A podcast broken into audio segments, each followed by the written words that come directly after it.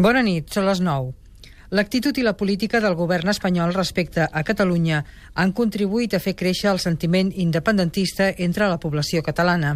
Segons l'última enquesta del Centre d'Estudis d'Opinió, el CEO, el 28% dels encastats se senten independentistes de tota la vida, però el 21% reconeixen que s'hi han tornat en els últims anys.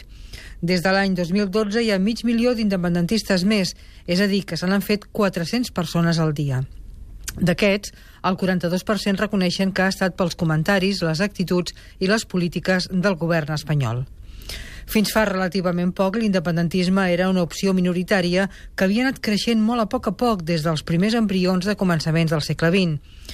En els últims anys havia anat agafant embranzida i l'independentisme es multiplicava en la mesura que el catalanisme es trobava cada cop més encotillat. Però el punt d'inflexió va ser el setembre del 2012, quan Mariano Rajoy es va negar a concedir el pacte fiscal a Catalunya. El concert econòmic, semblant al del País Basc, que li reclamava Artur Mas, era contrari a la Constitució, va dir llavors el president del govern espanyol. I a partir d'aquí es va obrir la caixa de Pandora, o la dels trons, si prefereixen. Aquí va començar la gran pujada de l'independentisme, que ja se sostenia en una corba ascendent. Després s'ha anat alimentant amb accions i declaracions i també amb una col·lecció de negatives que han fet canviar la percepció i els desitjos de molta gent. La reforma educativa de la LOMCE, de la mà del ministre Bert, trencava un model d'èxit i de consens basat en la immersió lingüística, atacada també per diferents sentències dels tribunals. Es retallava en infraestructures i si Europa no s'hi hagués ficat, s'hauria apostat pel corredor ferroviari central en detriment del corredor mediterrani.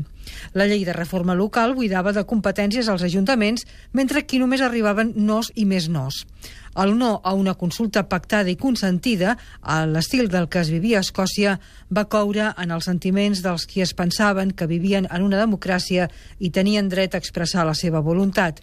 Ara, el no a una consulta alternativa que algú arribaria a dir de passo catamboli provoca més indignació i també una certa hilaritat.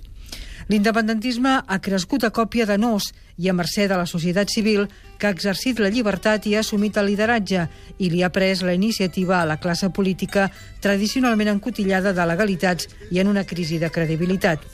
Potser aquest lideratge social és un dels motius que expliquen l'ascens de l'independentisme i de les opcions polítiques que el defensen. Oye, la, la, la, la,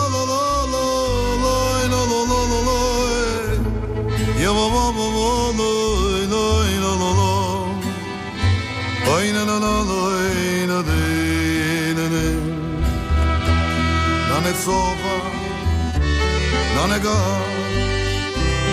Mekinera mangi da Silvigiava palorom Mekinela mangi iorom Bona nit a tothom, són les 9 i 3 minuts i aquest és el Cafè de la República número 1635. Avui és divendres, 31 d'octubre de 2014.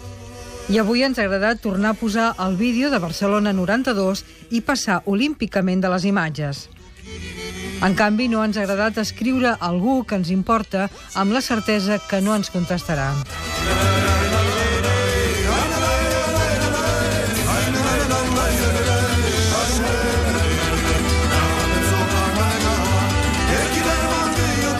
El Cafè de la República.